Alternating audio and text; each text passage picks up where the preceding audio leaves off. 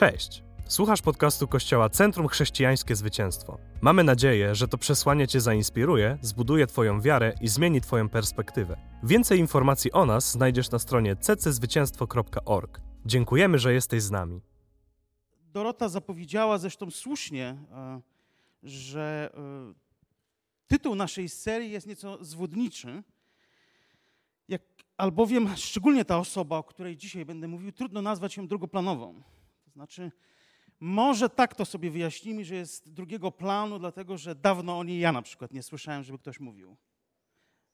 Ale bywały nauczania na temat Debory, czy pojawiały się, a na pewno jest wiele kontrowersji wokół jej postaci wśród biblistów. Oj, dużo. I to od zarania dziejów wśród samych Izraelitów, aż do dzisiaj, jeżeli chodzi o interpretatorów. Głównie z tego powodu, że, że była kobietą. Co jest w sumie dosyć smutnym stwierdzeniem, ale znaczy nie to, że była kobietą, ale to, że była kontrowersja jest wokół tego. Jakby kobiet nie widzieli. Niektórzy. Hmm. Kim była Debora? No, czytelnicy Biblii ci, którzy czytali Księgę Sędziów, pewnie wiedzą, kim była. Dorota wspomniała krótko o tym, że była prorokinią, ale może przybliżmy Księgę Sędziów, to znaczy, co się dzieje w tamtym czasie w Izraelu. To jest czas po tym, jak Izraelici podbili, jeszcze nie do końca, tak, no sobie takie resztki, takie ościen, walczyli z ościennymi ludami, ale zajęli ziemię obiecaną. Już Jozue doprowadził, zajęli, podzieliły się te plemiona, usiadły w różnych tych miejscach się osiedliły, które były im przeznaczone. I no, to były czasy jeszcze, nie było królów. Pierwszym, przypomnę, był Saul, tak? A więc tak jak Jozue w pewnym sensie, tak jak wcześniej Mojżesz, którego też można do pewnego stopnia, stosując język Księgi Sędziów, nazwać sędzią, a dlatego że rozsądzał także sprawy e, w Izraelu. Zresztą przypomnę, że ostatnim sędzią sensu stricto de facto był Samuel, który był także prorokiem. To też istotne sformułowanie, ponieważ Debora nam się ładnie za chwilę uplasuje pomiędzy Mojżeszem a Samuelem właśnie. A w każdym razie e, był to trudny czas. To pokolenie, które weszło do ziemi obiecanej, które podbiło, które znało Boga. Wiecie, to było już nowe pokolenie. Pamiętacie to pokolenie, które wyszło z Egiptu, że tylko potomkowie dwóch właściwie przez 40 lat, znaczy nie potomkowie, ale nowe pokolenie musiało się narodzić, bo tamci przeciwstawiali się Bogu, nie wierzyli, że Bóg ich, że wyprowadził ich na pustynię, mówili, że tu umrą. No więc Bóg 40 lat ich prowadził po pustyni, chociaż droga nie była daleka. W 11 dni z Egiptu do ziemi obiecanej się można było przemieścić. Oni 40 lat na Półwyspie Synaj i na innych tych obszarach błądzili, aż nowe pokolenie powstało, które było już tego ducha, jaki miał Jozue, tak? Jozue i Kaleb i oni z wiarą weszli i opanowali ziemię świętą. No, Kanaan wtedy. Ale to pokolenie także wymarło, które znało Boga. I Biblia mówi w Księdze Sędziów, że nawstało nowe pokolenie, które Boga nie znało. I co zaczęło robić? No naśladować inne ościenne ludy, które jeszcze były dookoła i czcić ich bogów. I jak Biblia mówi, czynili zło w oczach Boga. Drażnili Boga, jest powiedziane. No więc Bóg się wziął za ich wychowywanie, dosyć srodze, i pozwalał, aby te wrogie ludy inne ich najeżdżały, podbijały, e, męczyły, e, ciemiężyły. No ale to miało czemu służyć i rzeczywiście służyło. To nowe pokolenie Izraelitów już w ziemi obiecanej w takiej sytuacji ciemiężeni, udręczeni wołali do Boga. Boże ratuj. I Bóg odpowiadał. Jak odpowiadał? Powoływał sędziów. Sędziów, którzy de facto, można powiedzieć, byli wybawicielami, ponieważ w Księdze Sędziów to jest przede wszystkim podkreślone, że oni najczęściej stawali na czele armii izraelskiej i pokonywali tych wrogów, którzy ileś lat ich dręczyli. No i wtedy był pokój. I przez jakiś czas, jak sędzia żył, był pokój. Jak sędzia umarł, to znowuż nowe pokolenie zaczęło grzeszyć. Znowu się odwracało od Boga, powtarzająca się historia. znowuż byli uciemiężeni, znowuż wołali do Boga i znowuż Bóg powołał nowego sędziego. I dokładnie tak samo było z Deborą. Debora była czwartą sędziną, powiedzmy, czwartym sędzią, sędziną w Izraelu, a jej historię czytamy w czwartym i w piątym rozdziale. Znaczy, czwarty rozdział to jest właściwie historia Debory i Baraka, dowódcy wojskowego, który walczył przeciwko wrogom, pod jej jakby mm, na podstawie jej prowadzenia, tak można powiedzieć. A piąty rozdział no to jest pieśń Debory na temat e, tychże wydarzeń. Jak wygląda sytuacja? No dokładnie wygląda tak samo. Poprzedni trzeci e, z sędziów, Ehud, umarł i znowu się powiedziane na samym początku czwartego rozdziału. Synowie Izraela zaczęli czynić to, co złe w oczach Pana, w oczach Jahwe. A co zrobił Bóg? Tradycyjnie jest powiedziane, oddał ich, dosłownie jest mocno powiedziane, zaprzedał ich w ręce Jabina, króla Kanaanu, który panował w Hasor. Wodzem jego wojska natomiast, ten, który w imieniu tego Jabina działał i dręczył, najeżdżał Izraelitów, był niejaki Sisera, a ten mieszkał w Haroszet Hagoim albo Haroszet Goim, wedle innych manuskryptów. Z tej pieśni Debory z piątego rozdziału dowiadujemy się, no, dalej czytamy e, w trzecim wersecie, że mm, no, miał potężne wojsko ów Jabin, 900 żelaznych rydwanów i przez 20 lat srodze uciskał synów Izraela. No więc nie mieli łatwego życia. W piątym rozdziale, w tej pieśni Debory, z jej ust dowiadujemy się, że, i najprawdopodobniej do tego się odnosi ten fragment, że wsie opustoszały w Izraelu. Że ludzie z powodu tych najazdów łupieszczych uciekali, opuszczali swoje wsie. Także nie stawiali oporu, nie byli w stanie stawić oporu. Może nie brakowało im przekonania, wiary, albo byli po prostu za słabi. A Bóg ich nie wspierał, jakby można powiedzieć, w tej sytuacji. No, ale trzeci werset mówi tak, że synowie Izraela wołali wówczas do Jahwe i w tym czasie jest powiedziane, że Bóg wzbudził, że sądziła w Izraela Debora. Debora. I tutaj w czwartym wersecie czwartego rozdziału mamy jej taką wstępną charakterystykę podstawową. W tym czasie sądziła Izraela Debora, kobieta prorokini. No i w naszych przekładach mamy żona Lapidota, za chwilę się do tego odniosę. Siadywała ona pod palmą Debory pomiędzy Ramą a Betel na pogórzu Efraima, to jest południe Izraela, i synowie Izraela przychodzili do niej na sąd tam. Czyli sądziła, siadywała i rozsądzała Izrael, lud Boży. Dużo by można mówić na temat tego wersetu, na temat interpretacji go przez różnego rodzaju specjalistów. Natomiast powiedzmy sobie tak, jeśli tradycyjny przyjmiemy przekład i pomijając, należy się skupić na tej żonie Lapidota, że ona była żoną niejakiego Lapidota, to od razu możemy zrobić nauczanie, które będzie idealnie, a jeszcze bardziej odpowiadać naszej serii. Ponieważ Lapidot wówczas byłby postacią dziesiątego planu. Został wzmiankowany w Biblii raz i tylko tutaj. Ja miałem pokusę, żeby zrobić na jego temat nauczanie. Na temat kogoś, o, o, o kim nic nie wiemy, ale wiemy co nieco jednak o jego żonie.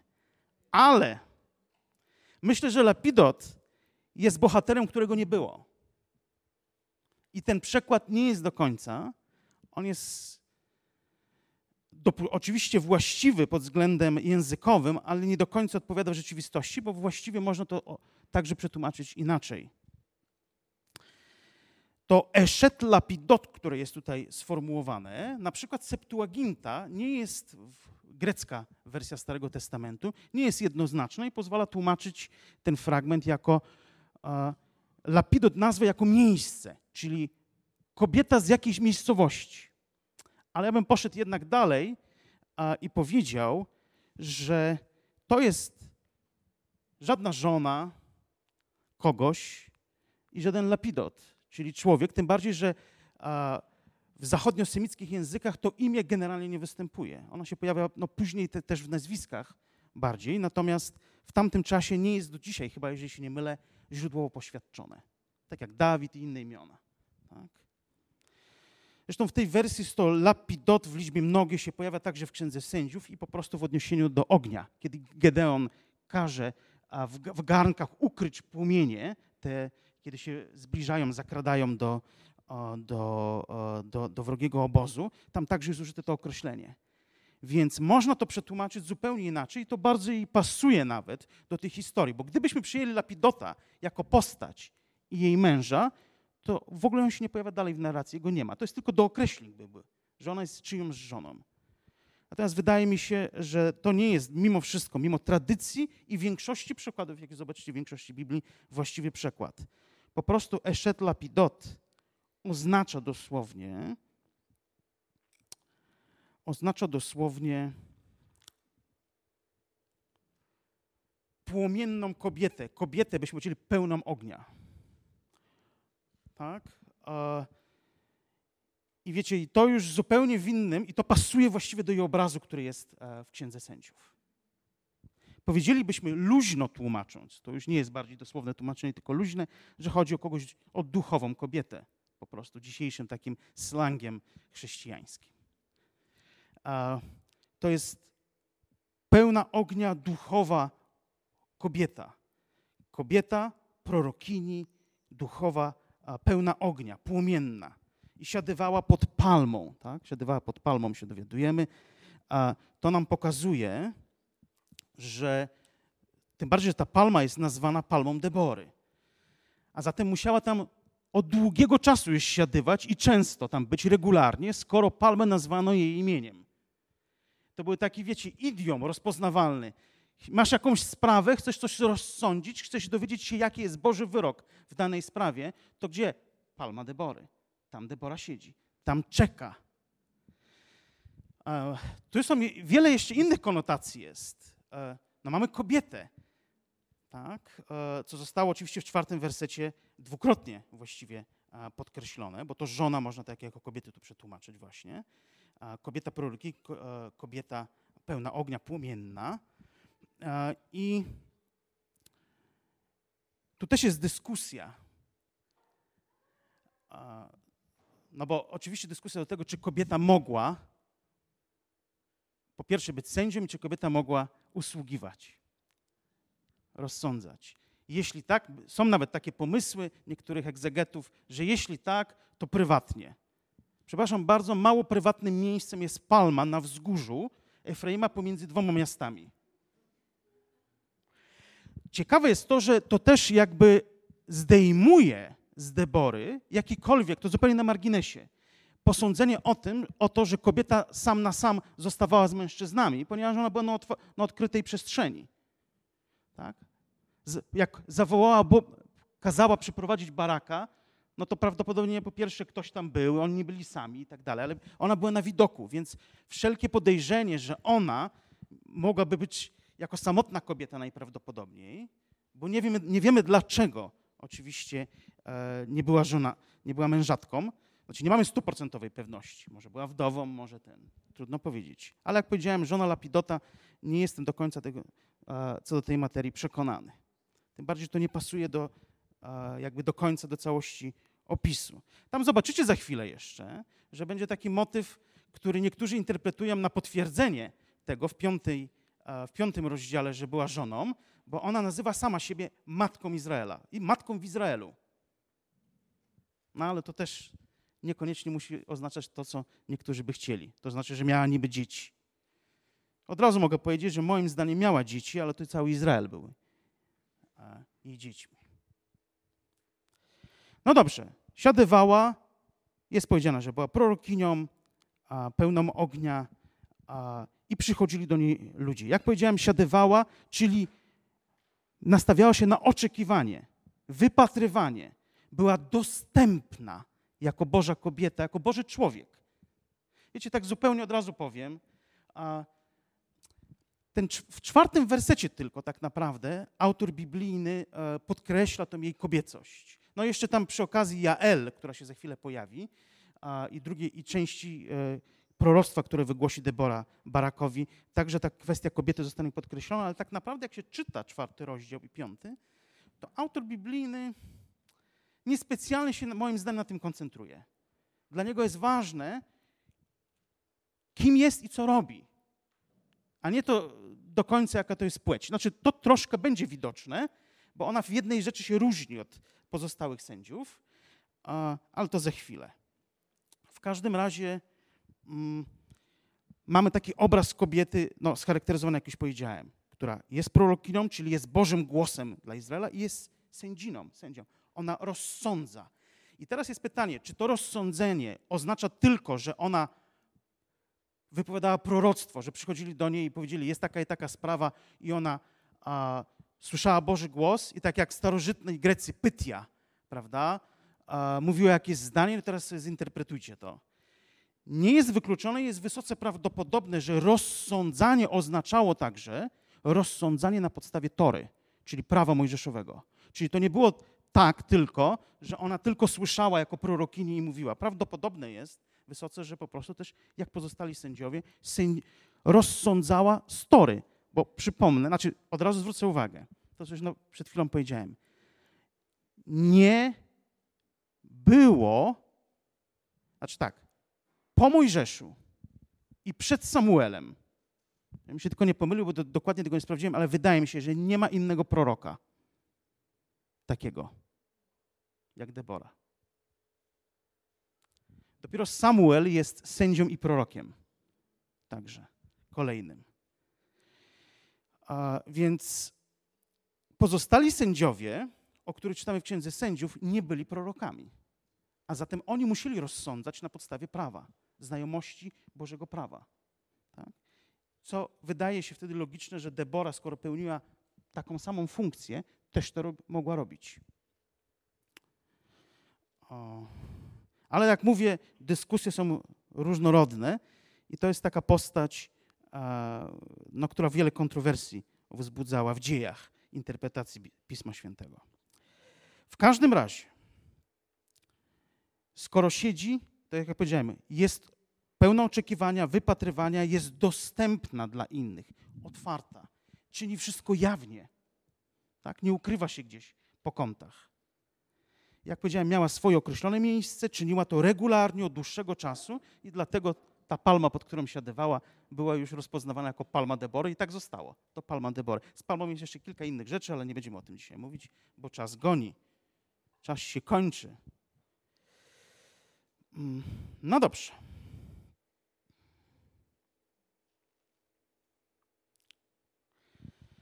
No i Izrael jest uciskany. Co robi Debora? Posyła po Baraka, jednego z dowódców, przywódców izraelskich, akurat w tej południowej części e, plemion izraelskich w Izraelu i e, posyła do niego. Zobaczcie, zwróćcie uwagę, kobieta nie idzie do niego, ona po niego posyła. Zawołajcie mi tu baraka. No ona, ona wie, kim jest i jaka jest jej rola. Zna swoją tożsamość i wartość. I zobaczcie baraka. Barak wie, kim jest Debora, szanuje ją i Barak przychodzi. I ona mówi tak. Czy Jahwe, no najpierw mu daje takie typowe żydowskie pytanie. Czy Jahwe, Bóg Izraela, nie nakazuje? Weź z sobą dziesięć tysięcy ludzi z synów Naftalego i synów Zebulona i wyrusz. Pociągnij na górę Tabor, a ja ściągnę do ciebie nad potok Kiszon, Siseret, czyli tego wodza wrogiego, księcia wojska Jabina wraz z rydwanami, z jego rydwanami i jego tłumem i wydam go w twoją rękę. Barak od razu mówi do niej tak. Jeśli pójdziesz ze mną, to ja pójdę, lecz jeśli nie pójdziesz ze mną, to nie pójdę.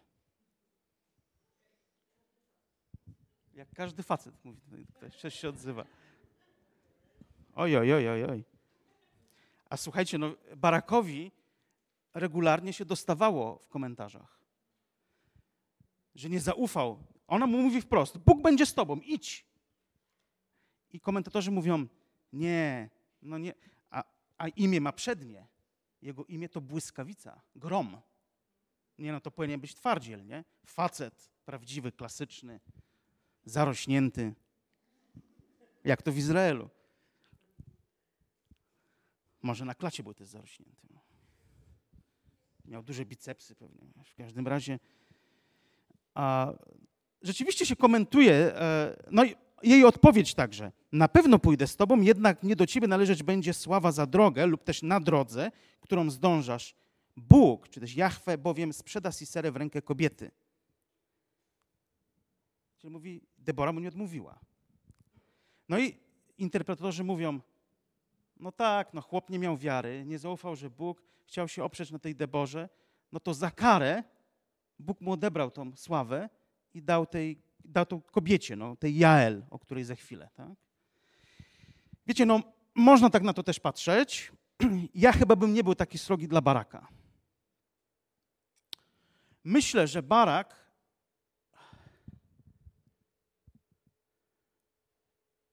w sumie zrobił, znaczy po pierwsze, okazał szacunek Deborze w pewnym sensie. To jest ta różnica, o której wam powiedziałem pomiędzy Deborą a innymi sędziami. Ona też jest wybawicielem, tak jak inni sędziowie. Ale inni sędziowie, jak sobie poczytacie, to oni stawali na czele armii jako mężczyźni i prowadzili do boju. No ona ewidentnie tu jest pokazane, że jako kobieta tego nie zrobiła. Czyli jakby autor biblijny tutaj nie ma problemu z tym, że ona jest sędzią czy sędziną w Izraelu, a już tym bardziej, że jest prorokinią, chociaż i to też poddawano wątpliwość czasami w komentarzach.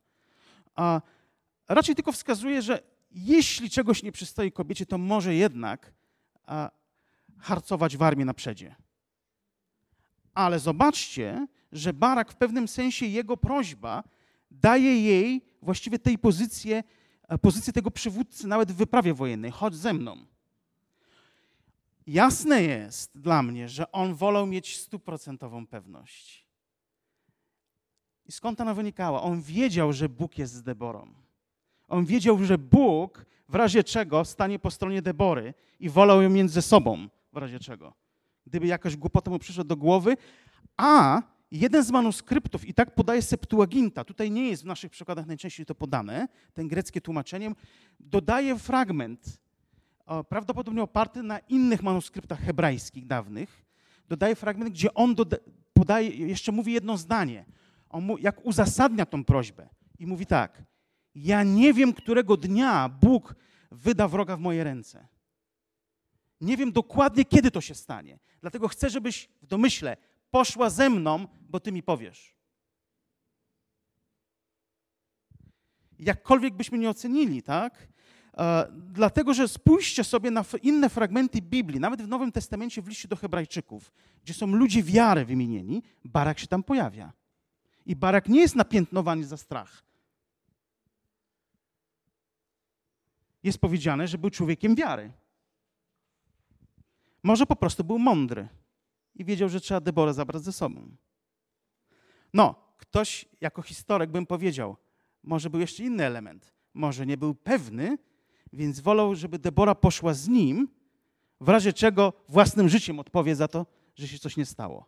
To oczywiście żartuję, nie sądzę, żeby tak myślał, ale ktoś by mógł tak powiedzieć. Czasami na wyprawę wojenną, jak się czyta his, historie różne z dziejów, zabierali żony, no, żeby mieć je na oku. Bo jak została tam, to... Tu oczywiście nie chodzi o taką sytuację.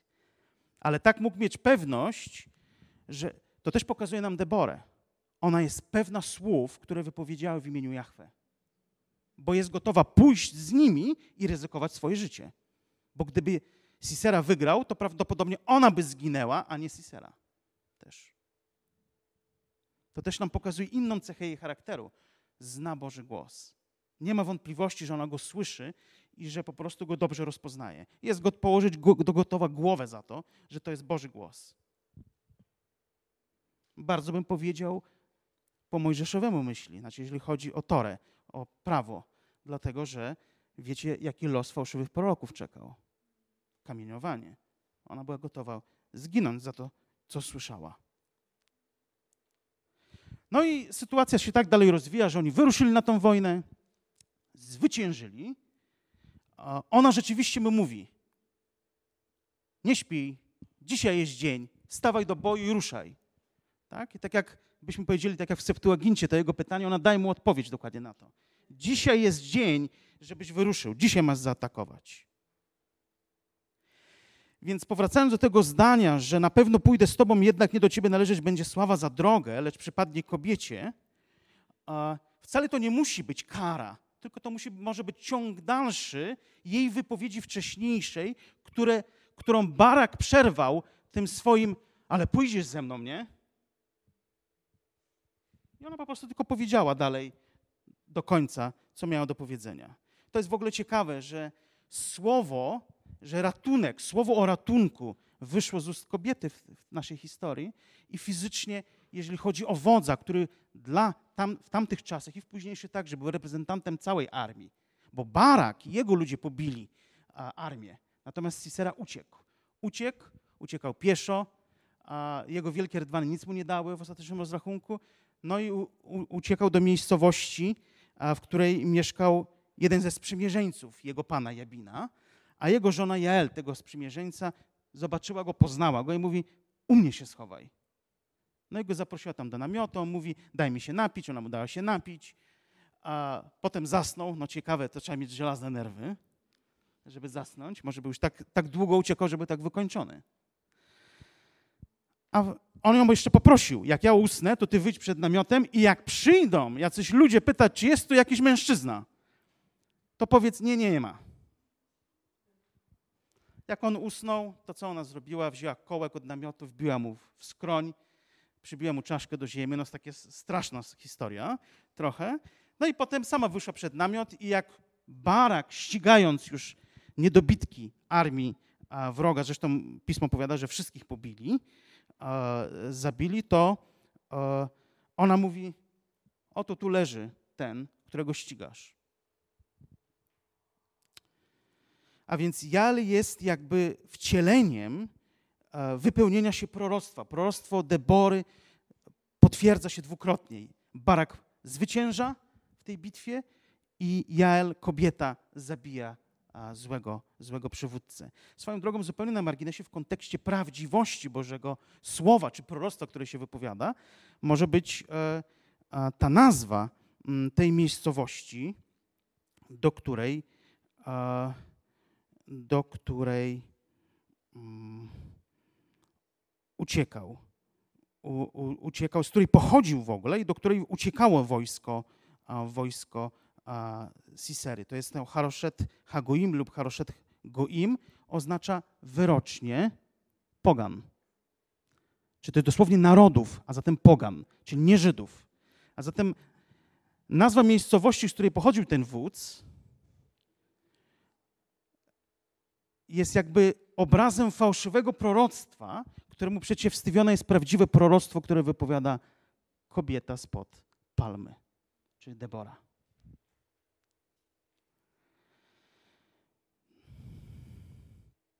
No i oczywiście uh, ostatecznie uh, także Jabin, ten władca, któremu służył Sisera, także zostaje pokonany. E, to na, koniec, na końcu dopiero się dowiadujemy piątego rozdziału, który zawiera tą pieśń Debory, że w efekcie tego zwycięstwa Izrael miał przez 40 lat spokój. Porządna robota, bym powiedział. No i jeśli chodzi o Deborę, możemy to powiedzieć jeszcze, przy, przypomnieć. E, to, że on chce ją zabrać ze sobą na tą wyprawę, to pokazuje ją jako gwarantkę Bożej obecności. Tak? Czyli raz jeszcze potwierdzenie, że powszechnie wiadomo było, że to jest Boży człowiek, ta Debora. Że po prostu Bóg jest z nią. Pokazuje też autorytet, jakim ona się cieszyła. Można by powiedzieć, że stanowi, stanowiła dla Baraka pewną opokę, tak? oporę że można było się czuć z nią bezpiecznie. Pewnie. Bo wiadomo było, że Bóg jest w, ze mną w tej sytuacji, tak? z perspektywy Baraka. Widzicie zatem, że e, Debora jest e, takim obrazem obecności Boga, jest obrazem, tak jak wszyscy sędziowie właściwie, takim zapowiedzią Chrystusa Wybawiciela, i to dosłownie wręcz. Kogoś, kto wybawia, zbawia grzeszny lud, który źle postępuje wobec Boga, z opresji złego. pokusiłbym się nawet o taką interpretację, że tu konkretnie właśnie mamy na myśli, autorzy, autor, autorzy biblijni, znaczy można by zinterpretować te fizyczne doświadczenia, fizyczne, realne wojny, jako obraz duchowych, duchowej wojny także. Bo tak wygląda relacja często pomiędzy Starym a Nowym Testamentem, że w Starym zasady duchowe były wcielone fizycznie, więc wojny miały wymiar fizyczny, wrogowie byli fizycznymi. My z listu do Efezjan 6 rozdziału wiemy, że nie walczymy z ludźmi tak jak w Starym Testamencie.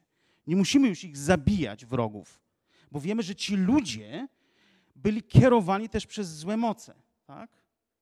Ale te złe narody, tak jak Jabin, Sisera, to reprezentują po prostu siły demoniczne, siły diabła. I można powiedzieć, że Debora jest obrazem Chrystusa, który wyzwala grzesznika z opresji diabelskiej.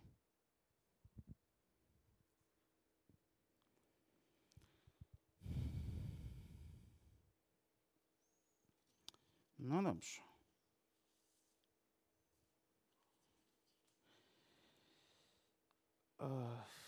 Właśnie.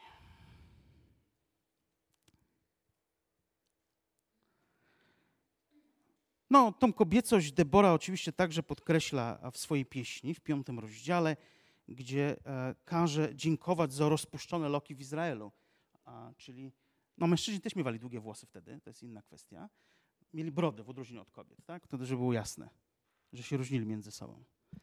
W każdym razie, e, w każdym razie te loki tutaj jednak najprawdopodobniej, bo jest jeszcze możliwość, że chodzi o taki idiom oznaczający zarządców, tych, którzy kierują Izraelem, ale jednak wydaje się, że chodzi, że chodzi o kobiety, czyli jakby ona też podkreśla Debora tą rolę, że trzeba dziękować za te rozpuszczone loki, czyli za kobiety w Izraelu, czy w ogóle za kobiety, tak jak być może za nią samą, być może za Jael właśnie, która dokonała Bożego dzieła. Zresztą ta Jael, ciekawa jest jej postawa, bo ona była żoną sojusznika Jabina, czyli i też Sisery. Natomiast pokazuje ten obraz, można to różnako interpretować, że albo ona rozpoznała Bożą wolę, tak jak ta nierządnica, pamiętacie, podczas jednego z oblężeń, która pozwoliła zwiadowcom hebrajskim wejść do miasta i została ona uratowana, tak? nie zginęła. Tak samo można powiedzieć, że tutaj Jael rozpoznała, że zwycięstwo jest po stronie Izraelitów. To jest jedna możliwa interpretacja. Druga jest taka, że Jael była posłuszną sojuszniczką a, a Sisery, ale jej postępowanie, wbrew temu, co można było się po niej spodziewać, po prostu było Bożym cudem. Było tym, że Bóg powiedział, ja doprowadzę do końca tą sprawę i nawet jej serce zmienił i jej e, poczynania, żeby, e, żeby e, to było zgodne ze wypowiedzianym słowem i też przyniosło zwycięstwo Izraelowi. Przypomnę historię Bileama proroka, który został wynajęty, aby przekląć plemiona, plemiona Izraela. I on powiedział, przeklnę. Potem poszedł, spojrzał na nich i Bóg tak odmienił jego serce, że powiedział, no nie mam innego wyjścia, muszę błogosławić. Tak? Więc e, Tutaj mamy e, troszkę e, być może e, podobną historię. Nie jest też wykluczone, że po prostu była mądrą kobietą, która widziała klęskę, doniesiono jej o klęsce Sisery i po prostu postanowiła uratować swoich ludzi, wydając wroga w ręce Izraelitów. Czyli jakby opowiadając się po stronie zwycięzców. Praktyka przez dzieje często spotykana.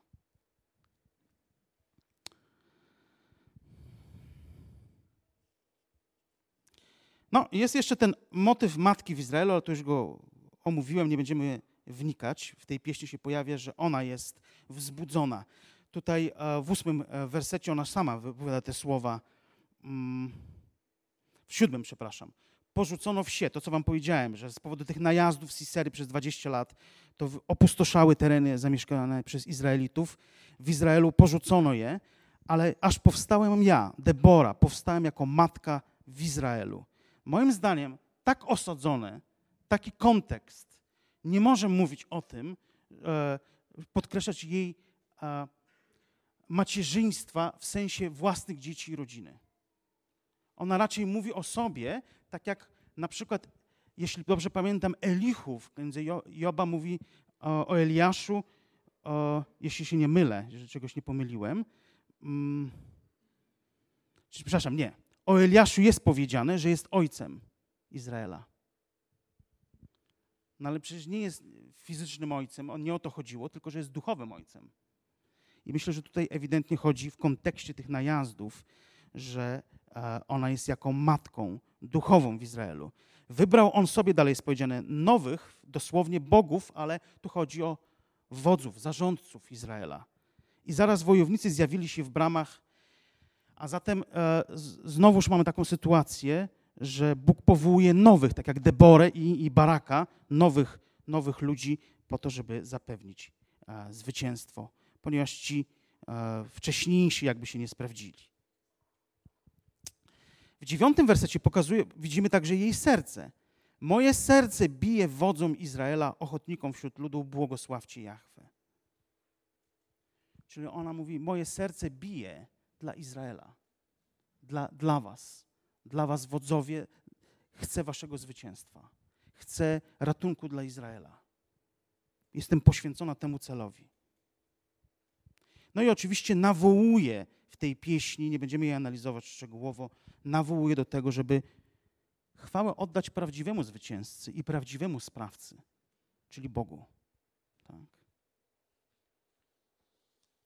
Ona oddaje chwałę Bogu. Do tego sama siebie zachęca, mówi, że będę wielbić Jahwe i także e, wzywa do tego Baraka i innych. A zatem jest, jak powiedziałem, oddana i zaangażowana w sprawę. No, jeszcze sporo by można było powiedzieć, ale i tak nieco prawdopodobnie tradycyjnie, a może nie tradycyjnie, przedłużyłem. Mm. Co można powiedzieć o Deborze?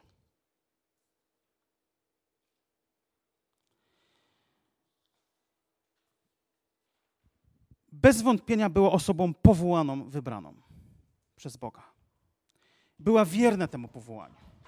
Gotowa, jak powiedziałem, ręczyć za słowo, którym się dzieliła głową. Była obeznana z Bożym głosem, przypomnę. Nie myliła się. Znała ten głos, co oznacza, że musi. No, po pierwsze, to był dar, który miała, bo Bóg wybrał ją i zaczął do niej mówić, ale po prostu ona, możemy powiedzieć, spędzała dużo czasu z Bogiem. Znała też prawdopodobnie, jak powiedziałem, Torę, bo prawdopodobnie na jej podstawie rozsądzała Izraela. Jak powiedziałem, mamy taki obraz, takie połączenie w tym okresie Mojżesza jako proroka i przywódcy, Debory jako sędziny i też a, prorokini i dopiero Samuela, kolejnego proroka po Deborze. Czyli jej pozycja jest wyjątkowa w pewnym sensie, jeśli można tak powiedzieć. I jest to bez wątpienia, i to tu już mamy pewność, jedyna prorokini, jedyna prorok a, wśród sędziów w tamtym okresie. No mówimy o okresie schyłku drugiego tysiąclecia przed naszą erą. Niektórzy datują jej życie tak między końcówką XII wieku a pierwszą połową XI wieku przed Chrystusem. Jest do, była dostępna dla ludzi, była posłuszna Bogu angażowała się w dzieło Boże, jej serce było oddane Bożym, Bożej sprawie. To, co mnie uderza, to to, że była stała, zdecydowana, stanowiła opokę, oporę dla Baraka, była odważna, można powiedzieć, waleczna, choć nie mamy wiadomości o tym, żeby bezpośrednio brał udział w walce. Prawdopodobnie nie. Stąd też Barak był potrzebny. Tak? Jak powiedziałem, to jest typ Chrystusa, pomazańca, obraz, jeden z wielu obrazów w Starym Testamencie pomazanej osoby, która jest, stała się wyzwolicielem a, dla ludu Bożego. Z punktu widzenia jej kobiecości, to temat, który najbardziej oczywiście egzegetów interesował, ja go tak bardzo nie poruszałem dzisiaj. Bardzo bezpiecznym będzie sformułowanie, że to jest szczególna zachęta dla kobiet, ta historia, do służby.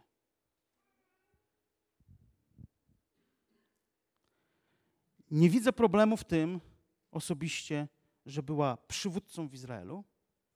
Nie widzę problemu w tym, że była sędzią w Izraelu, a już w ogóle nie widzę problemu w tym, że była prorokinią.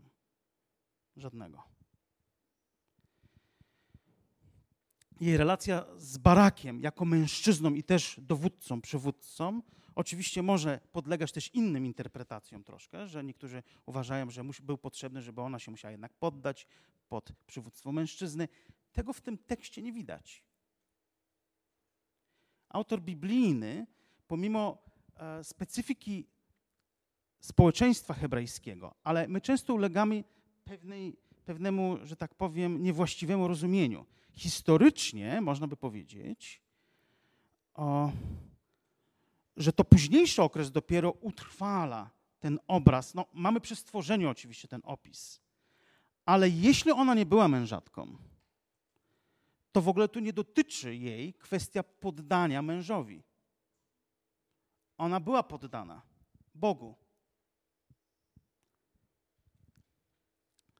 Ale nie to jest dla mnie najistotniejsze w tej opowieści.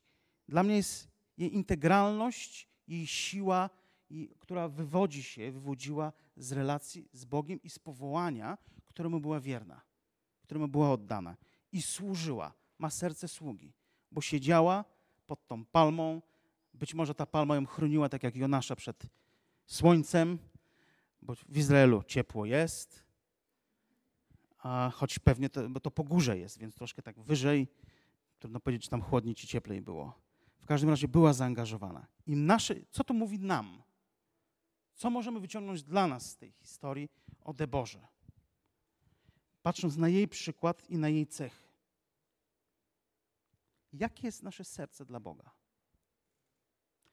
Czy jesteśmy wierni naszemu powołaniu? Czy jesteśmy zaangażowani w to, co wiemy, że mamy robić? Czy jesteśmy gotowi, tak pewni tego, co mamy robić, że jesteśmy gotowi położyć za to swoją głowę?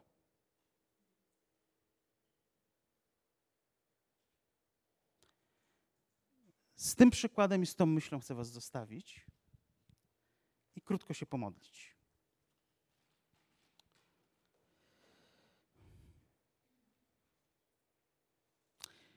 Jeszcze tylko powiem, że kiedy czytałem jej historię, to mi się przypomniało, że jedną z, z możliwych e, i prawdopodobnych tłumaczeń przy opisie stworzenia kobiety jako najczęściej mamy pom pomoc dla mężczyzny.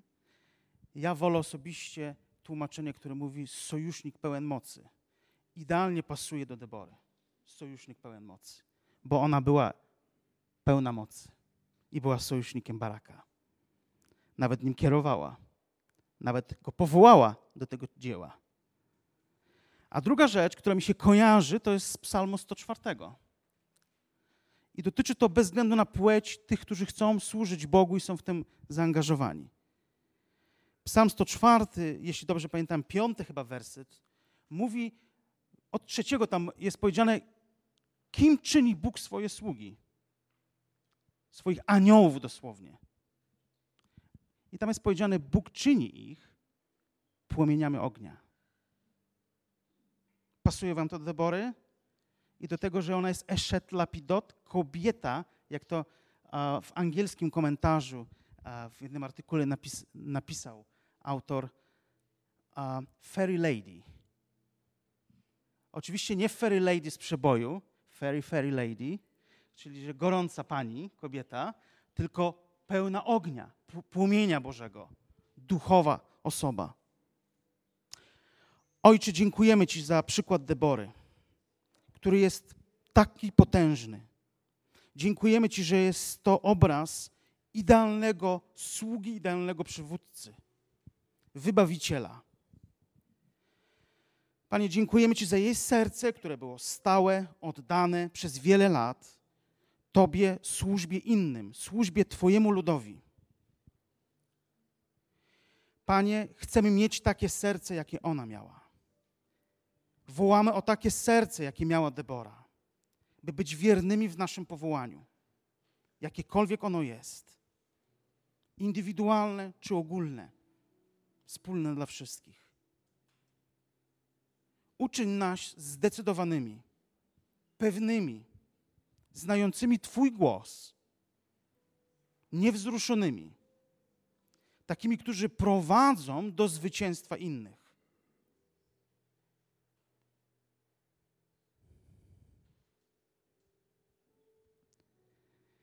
I w gruncie rzeczy skromnymi, paradoksalnie.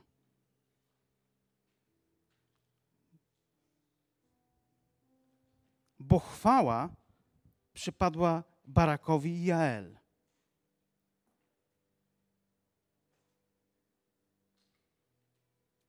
Oddajemy Ci, Panie, nasze serca, aby się przemienił na obraz Debory, Panie.